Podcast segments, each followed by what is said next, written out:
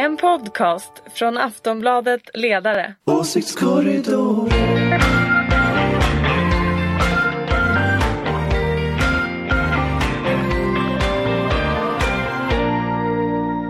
Hej och välkomna till Åsiktskorridoren, en podd från Aftonbladets ledarsida. Jag heter Daniel Svedin och vikarierar för Anna Andersson som gör något annat. Eh, och det här innebär att vi har lite rotation i panelen också. Eh, först så ska jag presentera Anders Lindberg och Ulrika Schenström som ju nästan alltid sitter här. Ulrika är moderat och Anders är gråsosse. Eh, och min chef på ledarredaktionen. Mm, det var bäst att du hade hela till det. Ja. Eh, och sen har vi med oss Veronica Palm som eh, Mm. tidigare riksdagsledamot för Socialdemokraterna och nu är S-märkt influencer och författare. Precis, influencer det är... Mm. Kul att ha dig här. Tack. Eh, vi ska prata om allt och ingenting men vi börjar med Brexit. Det brukar ju vara ett ämne som du Ulrika vill prata mycket om. Eh, vi håller på att tappa räkningen på alla turer i den här följetongen. Boris Johnson som är premiärminister har sagt att landet ska lämna EU till varje pris den 31 oktober. Men förra veckan så beslutade parlamentet att regeringen måste ansöka om att få skjuta upp Brexit till den sista januari om det inte finns något färdigt avtal innan dess. Eh, Johnsons motdrag verkar vara att försöka lägga krokben för parlamentets beslut och dessutom sabotera för EU genom att inte nominera någon brittisk EU-kommissionär. Och idag så sa Frankrikes utrikesminister Jean-Yves Le Drian att han inte skulle kunna godkänna en förlängd brexittid under rådande omständigheter. Och eftersom EU måste vara helt överens har Frankrike veto. Mm. Kommer Storbritannien att vara kvar i EU den 1 november? Väldigt bra fråga men det, här, det intressanta tycker jag ändå är att det verkar som om Boris Johnson försöker göra inrikespolitik av hela alltihopa. Sno tillbaka alla Brexit, eh, Brexit-partiväljare. Han har ju tydligen gått upp 10 procent eh, från, eller tagit från, från eh, det partiet under den senaste tiden. Så han går ju uppåt och tar eh, från det partiet. Så att det är väl möjligen så att det är många av de som fanns i hans parti tidigare att han tänker sig att eh, Tories ska vara ett stort parti när den här eh, eventuella folkomröstningen sker. Men jag, jag pratar lite med sådana Så här... jag säger inte att detta är liksom bra, jag lägger inte in någon egen värdering i den här utan jag säger bara att det här är vad jag tror att ungefär vad han håller på med. Men, men jag- pratar lite med sådana här Labour-strateger eh, så här, som, som funderade lite över kommer Boris Johnsons eh, sån här uppgång att fortsätta eller inte? Och det de sa till mig det var att Boris Johnsons uppgång kommer att fortsätta så länge han lyckas leverera det här utträdet den 31 oktober. Men efter att han har misslyckats med det så är sannolikheten jättestor att han går ner. För då har ju han misslyckats, han har förlorat, han måste eventuellt avgå och då kommer Brexitpartiet att gå upp igen. Så de sa att det troligaste nu, det är inte att det här fortsätter utan att det är det de kallar för en four-way split. Alltså att Labour, konservativa, liberaldemokraterna och Brexitpartiet är ungefär lika stora när de går in i en, ja, ett, ett omval. Och det kan kasta om hela den brittiska liksom, politiska kartan. Så oddsen är Ja, de är Vilket konstiga. också, vilket ju också gör att den här, alltså att kasta in ett nyval är ju, alltså dels kan jag tycka att det är oansvarigt, precis som Ulrika säger så betyder det att det blir ju inrikespolitik och det har ju handlat om inrikespolitik väldigt länge. Ända sedan dag ett. Ända sedan dag ett. Eh, och det blir ju också ett, det blir väldigt, väldigt konstigt för Labour. Alltså det här är eh, det Labour vill ha är, är ju att ha ett val som handlar om inrikespolitik och att det då bara ska handla om Brexit och att fortsätta ha en liksom Brexit i princip folkomröstning, det vore inte bra för Storbritannien. Sen måste jag säga att det är ju, alltså det går ju inte att komma ifrån att det är ju någonting i den brittiska självbilden som är lite svårt att inte fnissa åt. Alltså den här eh, gamla eh, eh imperiebilden som ju nu man lyckades hålla liv i ganska länge. Thatcher åkte till EU och dämde handväskan i bordet och sådär. Och nu är det faktiskt inte så. Nu är inte det här, det här är inte, det är inte ett, ett eh, imperium längre och det syns väldigt tydligt. Nej, och, men de ser ju på sig själva som om det är en del av eh, den gamla världen. Och när man debatterar den här frågan med britter, alltså så- framförallt konservativa, väldigt konservativa britter, så pratar de ju helt enkelt om, om ehm, eh, väldet och och de behöver inte Europa och så här. Men jag tror också att självbilden på en ö blir annorlunda än när du har gränser. Alltså öbor blir annorlunda för de blir ju väldigt mycket mer själv... ehm, Eh, alltså, sjukvård blir viktigt, det är därför han springer omkring och håller på med NHS. Alltså liv och död blir annorlunda på en ö, det har vi pratat om förut. Eh, så att eh, jag tror att de är annorlunda därför att de inte får hjälp från andra gränser utan måste vara självförsörjande hela tiden. Det är det jag tror Mm, det ligger i grunden i dem. Eh, så att, Och att det de facto och därför blir resa, inte Europa liksom. jätteviktigt på samma sätt utan det blir så här, vi är ändå ensamma här ute i havet på något sätt. ah, men det är en annan självbild Ja, ja, än, att, ja. Mm. än att vara Tyskland till exempel som har antingen alla emot sig eller kan få hjälp. Men Tories har ju, det känns ju som att deras strategi är väldigt tydligt att de ska vara liksom Brexitpartiet framför, Mm. framför det riktiga Brexitpartiet så att säga, eller ska vara the Leave Party. Varför, varför går det så dåligt för Labour eller varför kan inte de bli partiet som vill stanna Ja Anders, i kan du inte förklara det för oss? Jag, jag, jag har försökt akkreditera mig på Labours kongress med om två veckor för att se om jag får svar, om jag får okej på att komma dit. Men, men grunden, jag tror att grunden är att Jeremy Corbyn ligger för långt till vänster i ett tvåpartisystem. Så det finns därmed inte, eftersom Tor- Tories nu har dragit iväg åt höger jättelångt så finns det inget mittenhögerparti. Men det finns heller inget mittenvänsterparti eh, som det ju traditionellt Labour har varit, vilket innebär att det finns liksom ett hål nu, ett jättestort hål där mitten skulle ha varit. Och i det där hålet försöker ju Liberaldemokraterna dyka upp. Eh, det kan ju vara så att de gröna dyker upp lite mer än tidigare. Det finns ju liksom, just när, när en sån här karta ändras så fruktansvärt mycket på kort tid, då, då kan vad som helst hända. Det Labour säger när man pratar med dem, det är att de tror att de kan återupprepa det de gjorde 2017. Och det som hände då, det var att de hade ganska dåliga opinionsmätningar tills valrörelsen började. Men när valrörelsen började, då fick man lika mycket utrymme i media som de konservativa. Och plötsligt så lyssnade alla på Jeremy Corbyn och det blev så här stormöten där alla ropade så här Jeremy Corbyn, hurra! Han var liksom stora bilder på så här, det var någon rockkonsert men så här, där han var liksom den stora hjälten när han kommer till rockkonserten och sånt. Och den typen av liksom Corbyn-mania, den förväntar man sig då från Labour så fort man får igång ett val. Så att de är liksom i startgroparna för det här. Jag tror det är fullkomligt eh, osannolikt men de säger det och de, de säger även så här höger-Labour-människor tror på det. Mm. Men det bygger på att man tror att man får igång en gräsrotsrörelse. Och det är klart att där har ju, det, det finns ju naturligtvis och det finns att bygga på, det vore fantastiskt. Men det är ju någonting, alltså sen 90-talet och Tony Blair-tiden så har ju relationen mellan traditionella gräsrötter gräsrotsrörelse, fackföreningsrörelsen och Labour varit lite skakig. Det är ju inte bara att man liksom, jag, jag, kan inte, jag, jag tror inte att det är så att fackföreningsrörelsen kommer resa sig som en man och lita på Labour. Eh, även om man känner att man har en partiledare som man känner sig närmare än tidigare. Nej men sen har väl också det partiet, liksom många andra partier, haft väldigt många interna bråk. Eh, och när det blir falangkrig i partiet så vet vi hur bra det går sen efter ett tag. Så att, väl Nej, och falangkrig är det ju. Det, det är ju så, det är ju intressant. Jag, jag, som sagt, jag försöker då bli akkrediterad nu på deras kongress och det är så Är du intressant. fel falang? Nej, jag är nog inte fel falang så mycket som fel land. Man var tvungen att ha ett brittiskt postnummer för att akkreditera sig. Men de är alltså 13 000 personer räknar de med ska komma. Eh, och, och eh, Labour har alltså fler partimedlemmar än alla andra brittiska partier ihop. Så, att, så, att, så att det är ju någonting annat det Labour som går till val nu än, än det som historiskt har varit och än de här konservativa som är liksom äldre farbrö, vita farbröder. Liksom. Så att, och, och det som många pekar på när man pratar med dem det är också att åldersskillnaden är enorm bland väljarna. Att ju yngre du är ju mer eh, är du för, för att stanna i EU och ju äldre du är är du för, för att lämna. Och nu har ju ett antal dött sedan folkomröstningen. Vilket alltså rent krasst innebär att rent demografiskt, skulle du ha samma folkomröstning idag men bara justerat för att ett antal här, sistagångsväljare försvann och förstagångsväljare kom till, då vinner eh, Remain-sidan. Ja. Och, och det är liksom, den här typen av resonemang hör man ju när man pratar med dem tills man blir då grön i ansiktet och Problemet vill är bara att det inte var så utan man måste ju ändå inse hur det blev. Sen Ja. vem som bär skuld för det, ja det är väl definitivt eh, Cameron och det är väl ingen som har sett honom särskilt länge. Men oavsett vad så har de ju ändå att folket har sagt detta. Sen har vi ju diskuterat i åratal hur det blev så och varför och, och så. Men, och jag kan tänka mig att han, jag tror han kommer köra det här rakt in i väggen. Han, jag tror han struntar i om, om han åker ut som PM. Jag tror han kommer köra det här. Men det är väl strategin också, tänker jag. Alltså, att ha en valrörelse på eh, konflikten mellan folket Ja. och parlamentet. Han liksom hela tiden pratar med sina väljare om att parlamentet The stoppar enemy med- of the people. Och jag, menar, inte, jag är inte så säker på att man kan lita på att han ens är för en, en eh, liv-sida överhuvudtaget. Jag menar, ni minns hur han stod där och skulle le- välja mellan liv och stay och valde liv. Och det berodde ju naturligtvis på att Cameron körde stay. Remain, ja. Ja, men det finns olika sätt att säga det på. Men i alla fall, Så jag tror att de som lyssnar förstår. Men där sa han...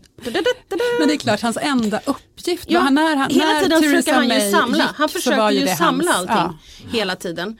Och då kanske han låter som en fullkomlig idiot men, och, och kanske även är det, det vet vi inte förrän det här historien är slut. Men det verkar som han är en samlare som inte vill att Tory ska splittas i två delar eller att Remain ska bli för stora eller sådär. Så det verkar ju vara det han håller på med. Sen kan man ju ju prata i i evigheter delar. om den här uh, Reese Mogg och de här. Alltså jag tycker att det är helt, det är som en, det är som en teater nästan. Och jag vet inte hur många av er som har suttit och tittat i livesändning på de här. Jag vet att det är ju en omröstning även idag. Om, eh, den är väl ikväll tror jag. Eh, om eh, folkomröstning igen. Att det, det är ju helt magiskt att sitta och titta på de här. Och sitta och titta på eh, Prime Minister eh, question time och sånt där. Alltså det, det, det är ju helt, alltså jag tycker det är askul. Det är ganska, ganska läskigt att titta på de här programmen också. Jag, jag såg något panelprogram, jag minns inte vilka det var. Någon var liksom representant för Labour på något sätt eller vänster. Eh, någon sorts eh, Remain vänsterposition och sen en Leave högerposition. Där vad den den här Remain eh, kvinnan sa så liksom gubben som var för utträde var så här, "Ja, men du sviker ju nationella intressen, dina talepunkter har du hämtat från Bryssel. Alltså att man, att man får en, Ja det är helt fantastiskt. en Ja. väldigt läskig politisk debatt om liksom där man- det är nästan landsförräderi och tycka att så här, vi är ändå bättre i, inom EU än utanför. Blir man sugen på att ha en utträdesdebatt debatt i Sverige? Nej, inte Inte dugg jätte. faktiskt. Nej. Men jag kan säga att ikväll, ikväll tror jag det är oerhört spännande. Jag har faktiskt agendan här för The Chamber. Eh, In the loop. in the loop. Så att någon slags, eh, tror jag någonstans här, jag hittade faktiskt inte precis just nu, men någonstans Out of 8-9.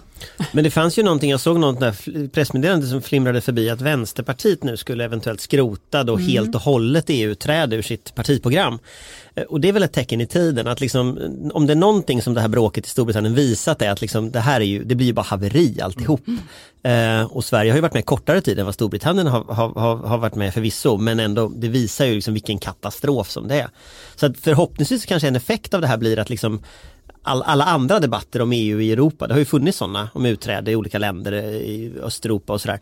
Men att de bara lägger sig som en sten. Det som eh, här. möjligen kan bli lite trist med det är ju att, att jag tror verkligen inte att utträde skulle vara bra för någon, men, men det gör ju att det blir ju en, alltså eh, Hela reformarbetet i EU riskerar, nu är inte det så himla aktivt, men, men det, det, finns ju liksom ingen, det finns ju ingen press på ett reformarbete, utan alltså det blir, om det är så att alla inser att "Mm, det här tänker nog inte vi heller gå igenom. Nej, exakt. Eh, Det och kommer bli en det är följdeffekt av att då folk surar finns ihop. ju, då, sur, då surar man ihop och så kommer man liksom sitta där med alla de här eh, ja, men galna sakerna som två parlament som man reser emellan. Alltså alla sådana här saker som man bara borde lösa. Om den här podden ska sändas redan idag, måndag, när vi spelar in, så vill jag bara säga att 6 och 30 16.30 då ska man börja bänka sig framför Sky News. Det kommer jag göra. Man kan titta på Parliament TV också. Men det är samma sak, alltså det sänds samma grej alltså. Okej, Aha. man får inte välja. Det var ingen som svarade på min inledande fråga här. Jag vill ändå att ni svarar rakt ja eller nej. Märkte du det alltså? Du märkte kommer det att ingen inte svarade? gå att Hold svara på det. accountable. Kommer Storbritannien vara med i EU den 1 november? Ulrika? Ja eller nej? Ja. Ja, Ja. Ja, okej. Och sen blir det en ny nyval och sen vinner Labour och sen blir det en ny folkomröstning och då vinner Remain. Det tror och sen jag inte. lever vi lyckliga alla våra dagar och ingen kommer längre att ta upp Brexit-frågan någonsin Det mer. ändå- Så det tror är väl jag. ändå det sjukaste med Labours position egentligen. Alltså, vi vill jättegärna ta över regeringsmakten, åka till Bryssel och omförhandla ett avtal och sen ska vi ha en folkomröstning om det avtalet. Ja. Så att jag vill bara säga att det finns Mycket ingen sida här som verkar helt, Helt frisk faktiskt. Det, det Men- känns men- inte bra någon det är väl, av det är väl dem. det som var grund, alltså Cameron var ju grundproblemet och att man inte hade någonting att folk, alltså gå ut i en folkomröstning och inte ha någonting att folkomrösta om. Han ju skulle ju folkomrösta om det därför att han ville vara kvar som partiledare. Ja, precis. In, Det är Hur många politiska prime. karriärer har liksom Brexit dödat? Jo men alltså det är ju så med all politik. Ibland måste man ta reda på, vill den här politikern sitta kvar själv eller liksom Mm. i ens egen partiposition eller är det statsposition eller är det, ja. Eller har det någonting möjligen med landets välgång att göra? Exakt, men det är inte det är alltid. sällan. Nej. Det skulle behövt en linje två i Brexit-omröstningen. Eh, nu går vi vidare för imorgon så öppnar riksdagen. Klockan 11 så är det upprop och klockan 14 så håller konungen tal. Eh, sen så blir det regeringsförklaring och då väntas bland annat eh, Ann Linde blir ny utrikesminister efter eh, Margot Wallström. Det här erfar i alla fall SVT. Eh, det leder oss in på en intressant fråga. Sen Stefan Löfven blev statsminister har tio kvinnor avgått ur hans regering. Det är Kristina Persson, Åsa Regnér, Aida Hadzialic, Åsa Romson, Anna Johansson, Helene Hellmark Knutsson, Helene Fritzon, Alice Bah Kuhnke, Ylva Johansson och Margot Wallström. Och även fyra män. Eh, varav en, Anders Ygeman, har kommit Men tillbaka. fråga, varför använder du ordet avgår? Eh, De har alltså bytt Lämnat. jobb. Ja. Vissa av dem. Nej men visst, Några, nej, Men kan inte- ja, kan- de han kan- kan kan Daniel få ställa frågan alltså de färdigt? flesta här har Ja. alltså bytt Kan jobb. inte Daniel få ställa frågan färdigt? Okej. eh, och, Är, är du programledare nu? eh, är det för tufft att vara kvinna i politiken? Inte för tufft. Nej men jag tror att kvinnor ibland eh, kanske inte står ut med precis vad som helst. Oavsett om det är arbetstider eller börda i eh, hur mycket man måste jobba. Så kanske man väljer, man kanske har lättare att välja någonting annat. Att Mm. Jag ta det- beslutet att eh, välja familjen till exempel eller något annat. Jag Alltså tänker det- att det är två saker. Jag tror att det både är det som Ulrika säger, alltså att det faktiskt är så att kvinnor är smarta eh, och inser att det finns en massa andra värden i livet och sådär. Men jag tror inte bara det är det. Nej, alltså, nej, för då, nej, nej, hade nej, ju, nej, nej. då hade vi ändå, jag menar, så, alla kvinnor är inte smarta. Eh, utan att det faktiskt är så att det också finns, ja, men ställs högre krav, är en, det är ett väldigt hårt klimat att ta sig fram i. Eh, det är alltid lättare för den, för all, det är lättare för alla att se fördelar med folk som är ungefär som en själv. Och det är klart att om makten är formad av män eh, som har en viss liksom, struktur så är det lättare att se de fördelarna hos sådana som är ungefär likadana som en själv. Så det är både, både det faktum att kvinnor är Alltså lite när man då smartare inser och- att klimatet är väldigt Ja. eh, komplicerat och jädrigt hårt. Det är väl då man tar slutsatsen att okej, men jag dör ju inte över det här, jag kan Mm. göra någonting annat. Men jag hade en sån diskussion med, jag vet inte vem det var jag pratade om, men Per Schlingmans bok, den första läs, jag läste den och så pratade jag med någon och så sa jag, men gud det handlar ju bara om ett, det finns, finns det bara ett parti? Var det någon som sa, för att det, det är liksom, allting är ett parti.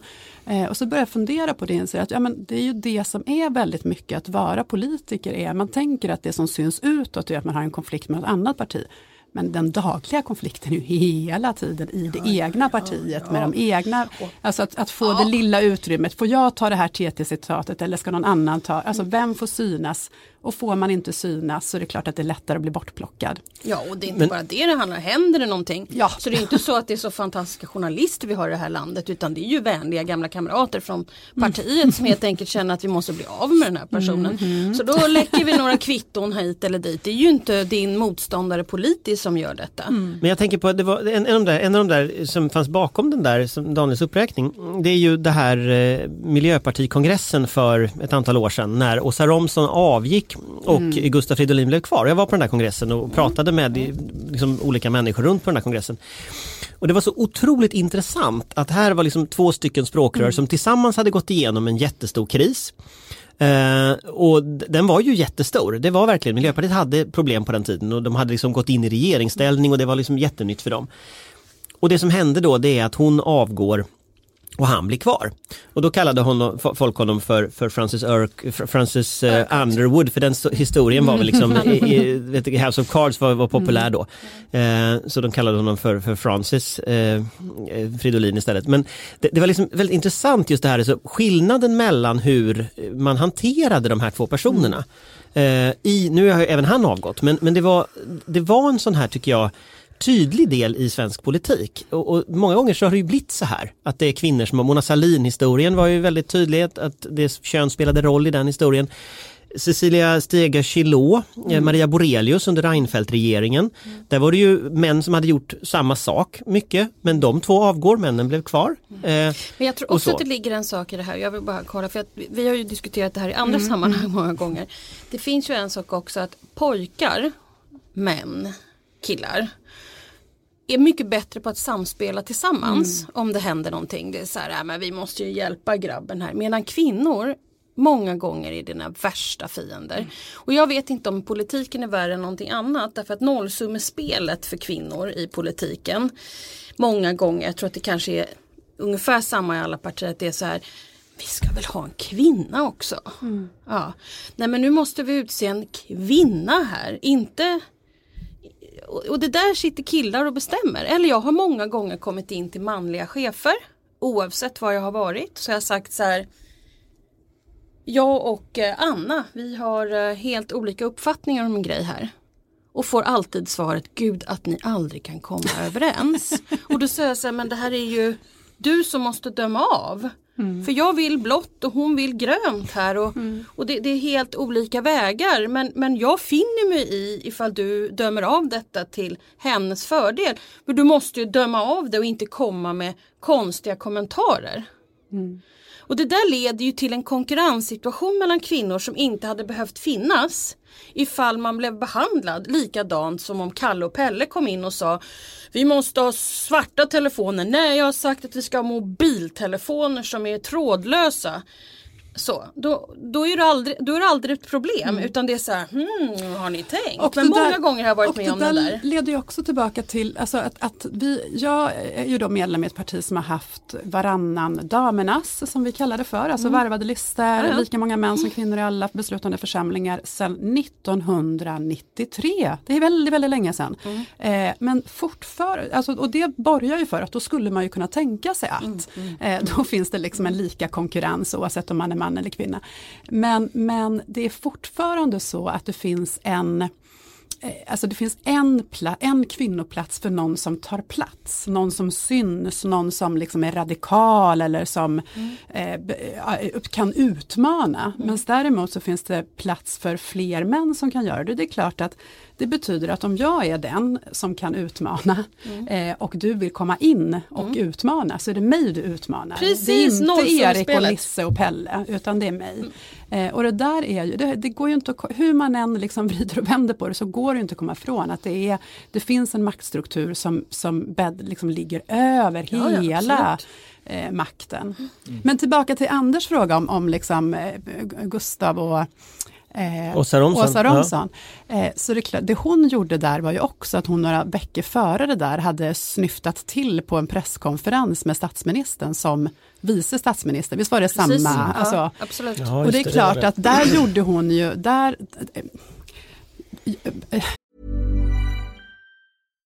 Millions of people have lost weight with personalized plans from Noom, like Evan, who can't stand salads and still lost 50 pounds.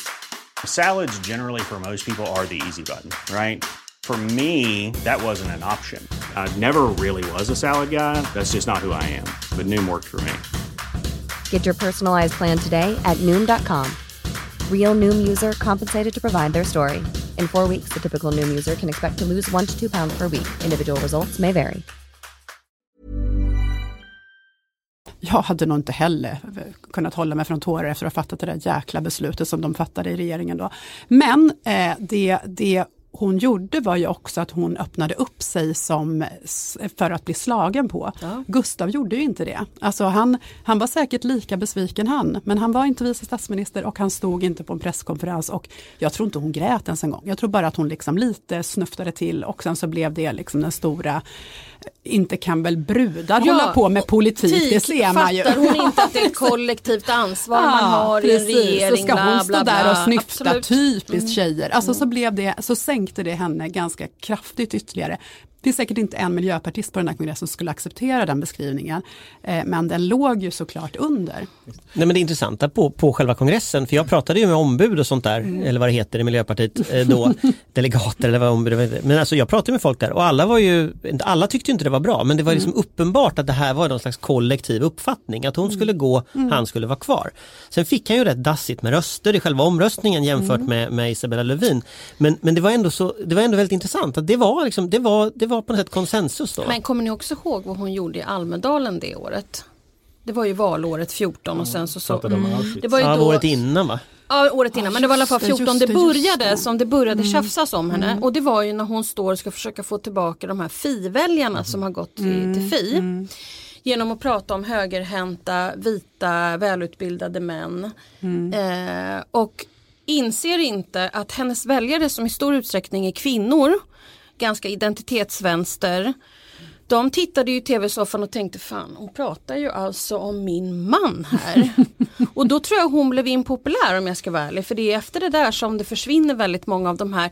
För de lyckades ju ta ganska många sådana här lite vänster allmänborgerliga väljare om jag ska vara Och riktigt då, ärlig. återigen, det Gustav gjorde då, Mm. eh, bara någon månad eller ett par veckor innan det talet var ju att han dansade i fontänen med Gudrun Schyman. Exakt. Alltså Ja. om man nu vill, vill ja, ja. så ställa sig vid sidan av är ju betydligt smartare. Mm. Eh, han, man kan säkert säga mycket om Gustav Fridolin men genial i, som opinions, eh, Mm. Ja, ja, för att skapa opinion runt sig själv. Absolut. Men där skulle jag kunna ställa en lite så här djävulens advokatfråga då. eh, Som jag minns att jag läste när de här moderatkvinnorna Stege Kulå och Maria eh, Borelius avgick. Att de, till skillnad från Billström som ju också hade haft, eh, han hade inte heller betalat tv-licensen. Ja, inte Anders Borg heller.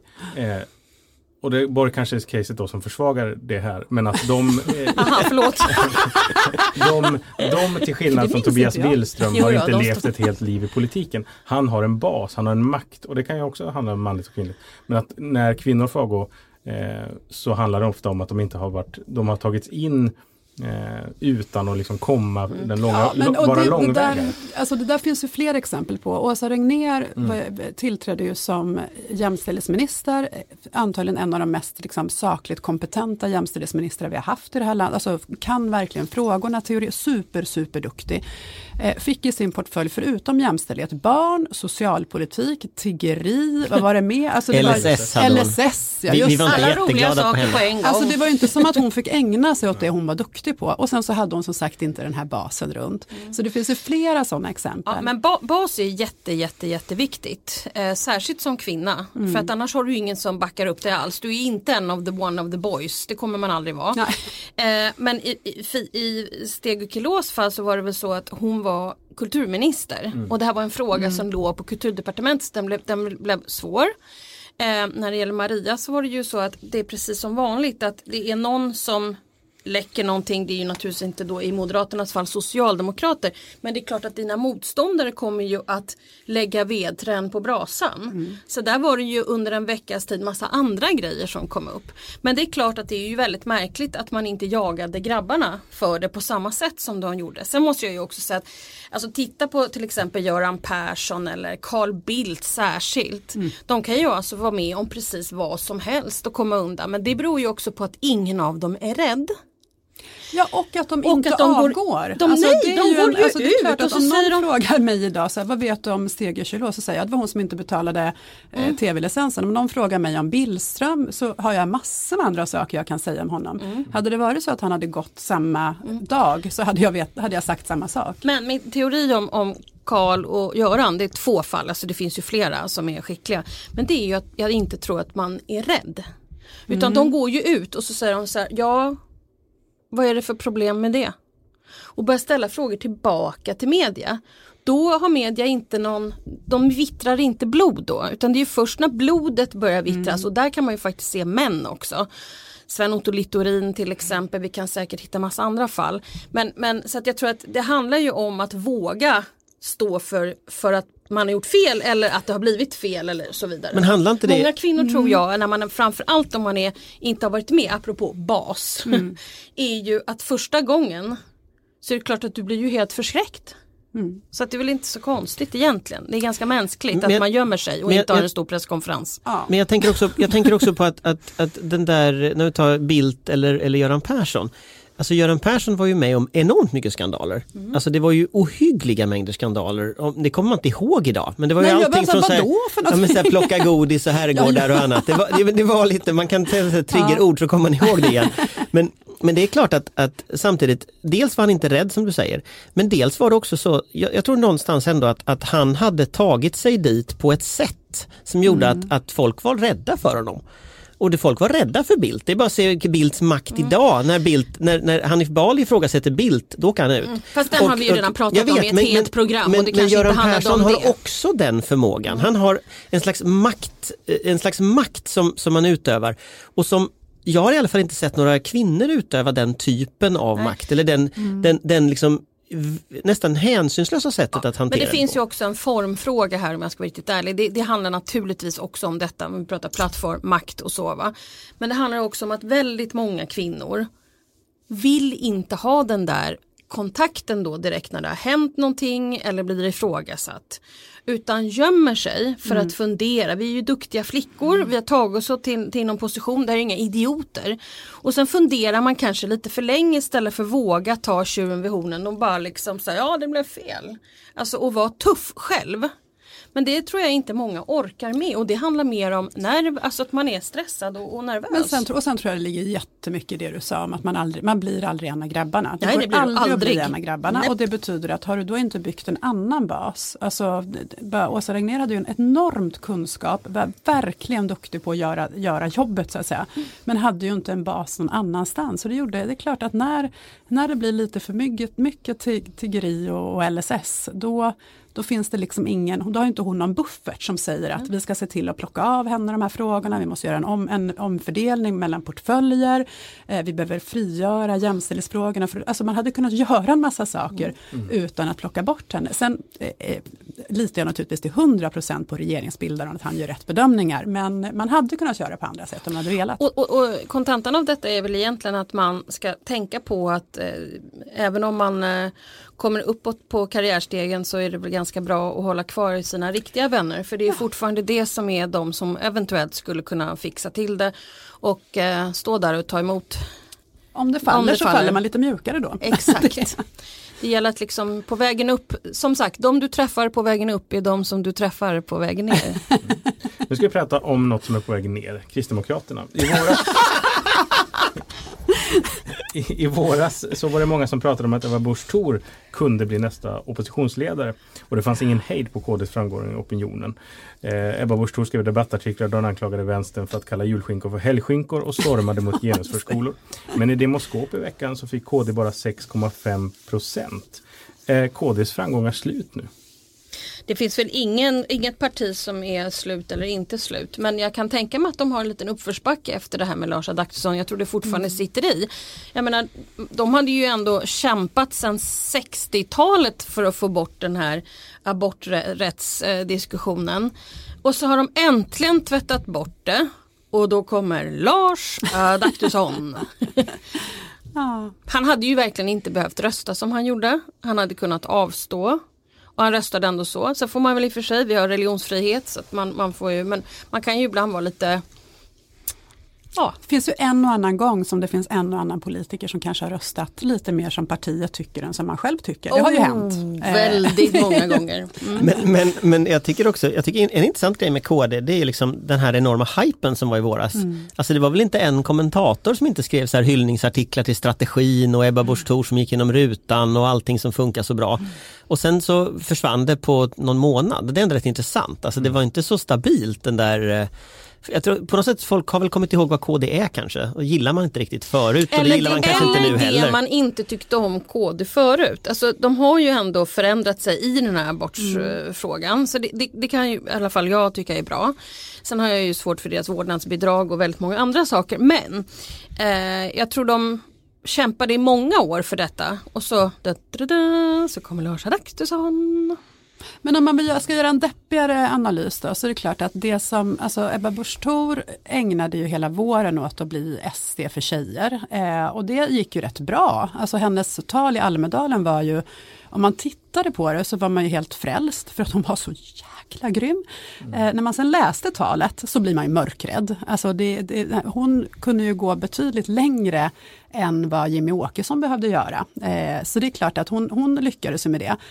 Eh, men, men den deppiga bilden då blir att det kanske är så att Sverigedemokraterna är tillräckligt normaliserade så att det behövs inte ett speciellt SD för tjejer längre utan de har gått över dit. Att Moderata samlingspartiet har tappat eh, kompassen när det gäller de liberala värderingarna utan är liksom, eh, ägnar all sin kraft åt att vara så, ligga så nära de övriga konservativa partierna som möjligt och då finns det, då finns det inget utrymme för det lilla konservativa partiet eh, utan det där äts upp Men av jag tror ju inte tjejerna har gått till Moderaterna heller. Alltså, om jag ska Nej, vara var är riktigt tjejerna ja, Jag vet någonstans? inte. ja, jag vet faktiskt inte för jag tror inte de är hos varken KD. Jag tror lite mer hos SD faktiskt. Jag tror att SD, eller XD växer ju hos kvinnor. Men, men eh, Ja. ja. I samma mätning så väx, växte väl SD om jag inte minns fel. Eh, Men de växte ju också på S bekostnad. Så att SD växer ju lite på allas bekostnad. Ja absolut. Eh, så är det ju. Eh, absolut. Och jag tror att, eh, vad är det hon heter? Ehm, Bieler.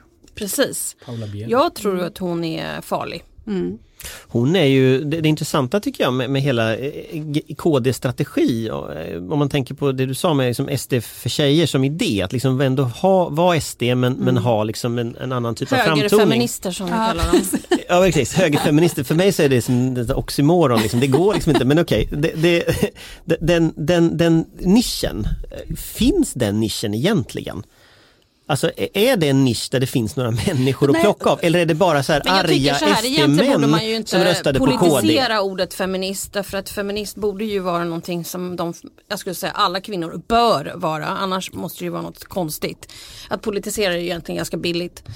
Att sno ordet sådär men, men eh, jag har ju svårt att se att eh, deras, och det vet ni ju vad jag tycker om, om föräldraförsäkringen till exempel, att det är svårt att vara jättefeminist ifall det är så att man eh, helt enkelt vill eh, inte vill höja lönerna och, och ehm, pensionerna för kvinnor. Det finns många system som måste ändras och sådär men det är bara ett till exempel. Mm. Men är det inte lite så att KD, KDs strategi byggde ganska mycket på att man skulle ha någon sorts värderingskonflikt? Att det var just det med helgskinkor och så. Att det var där det skulle ligga. Men att nu med skjutningar och liksom växande kriminalitet och även liksom oro för att migrationen ska öka till Sverige igen. Så finns det liksom inget utrymme för den liksom eh, War on Christmas, gam, liksom amerikanska kulturkriget. Utan det blir någon sorts ja, Nej, vi ska och ta de- pistolen av skurkarna istället. och Och, de då hade- är SD ett bättre parti än- än Ebba Busch. Nej, för det är klart att det hon, alltså man, nu, man kan kalla det SD för tjejer eller så kan man kalla det liksom bara ren identitetspolitik. Alltså bara pumpa ut identitetspolitik. Vilket hon ju har gjort sen,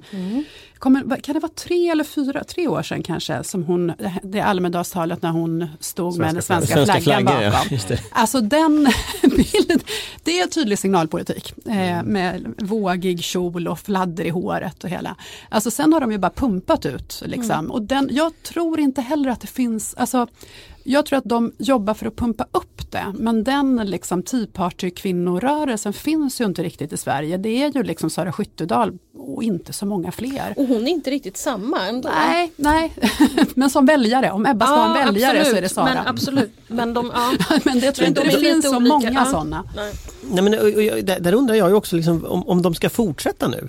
Vad är Mm. liksom nästa steg? Alltså, de, om de höjer tonläget ännu mer från KDs sida, då blir de ju SD. Ja. Alltså det, det finns inte så mycket liksom luft mellan SD och KD Fast just nu att ta. ekonomiska politik är ju inte direkt SD, det får man ju Men då är säga. du inte De kulturkrig. inte- Då, då har du liksom lämnat Ja, men, kulturkriget. men, men KD står ju inte för höjda bidrag och höjda skatter utan står ju snarare åt tvärtom. Så att det är ju mera eh, Fast röstar, inte på, det- röstar de inte på ditt parti om man, om man vill ha liksom sänkta skatter och sänkta bidrag? Röstar man inte på Ah, KD är då? dess- ja men alltså en kristdemokrat historiskt sett som eh, är ju människor som framförallt tillhör någon slags församling som tror på kristna värderingar framförallt har tagit historiskt har tagit hand om väldigt mycket flyktingar Mm.